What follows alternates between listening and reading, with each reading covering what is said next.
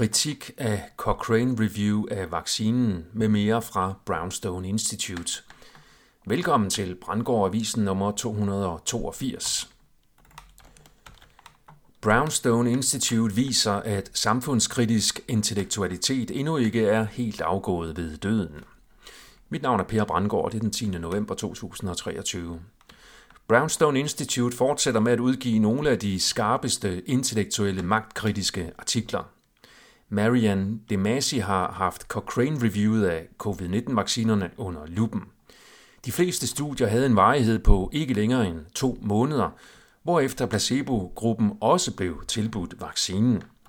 Andre opgørelser af data fra især Storbritannien efter udrulningen har vist, at vaccineeffektiviteten aftager gradvist efter to måneder og dykker til negativ effektivitet – hvilket således har været umuligt at måle i de studier, der indgår i Cochrane-gennemgangen.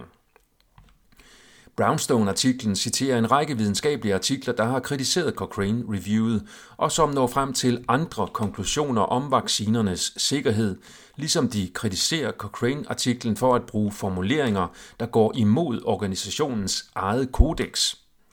Kritikken handler især om opgørelser af alvorlige bivirkninger. Som eksempel fremhæves et moderne studie, hvor alvorlig covid-19 tæller med som alvorlig bivirkning, selvom det er et effektivitetsmål, og det forekommer næsten udelukkende i placebogruppen, hvorved de reelle bivirkninger af moderne vaccinen bliver fortyndet. Et andet fremhævet problem er, at studierne ventede i fire eller seks uger efter første stik, før covid-tilfælde talte med i statistikken.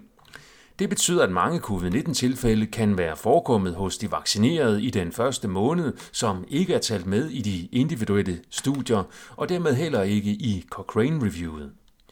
Det tegner et billede af avanceret videnskabeligt bedrag for at få coronavaccinerne til at fremstå effektive og sikre, mens de reelt er skadelige og usikre.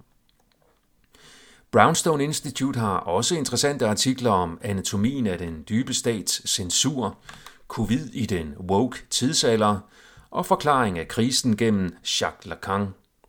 Jeg vil anbefale psykologer, psykoterapeuter, politologer, sociologer og andre akademiske fagfolk, der stadigvæk besidder evnen til selvstændig kritisk tænkning, at kaste et blik på disse og mange andre tankevækkende artikler fra det kritiske medie.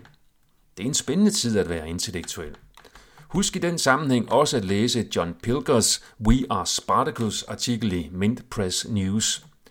Det er også værd at dykke ned i samme medies kritiske artikel af det kollektive vestens afslørende tavshed over for Israels folkemord i Gaza. Paul Steigern har i Steigern udgivet en artikel nummer 4 i serien om de ultrariges magt. Den sionistiske magt er blandt andet de ultrariges magt, hvoraf den største magt ligger hos dem, der har konstrueret selve pengesystemet. Og der har vi sionistiske bankfolk i føretrøjen.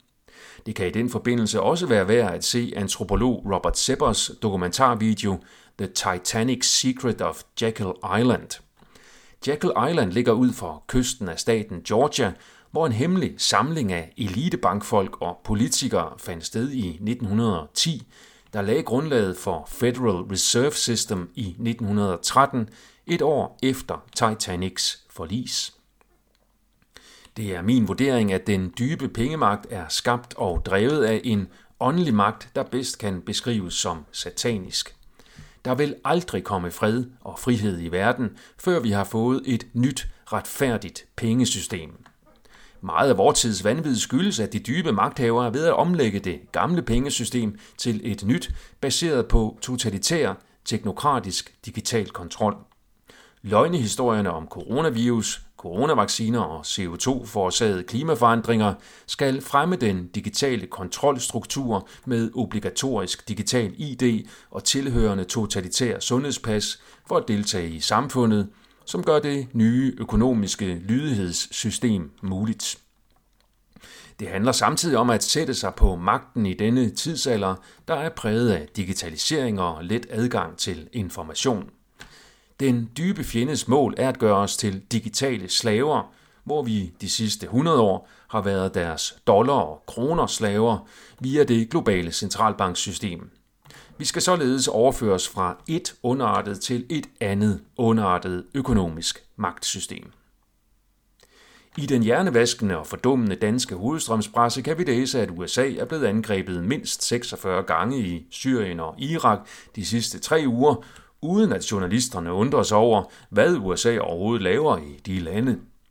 Derudover er den danske presse mest optaget af at bringe historier om, at det er synd for jøderne, at de angiveligt bliver udsat for antisemitiske angreb, uden at nogen journalister undrer sig over, hvem der dybest set får noget ud af disse angreb, og hvem der i forlængelse heraf så kunne tænkes at stå bag.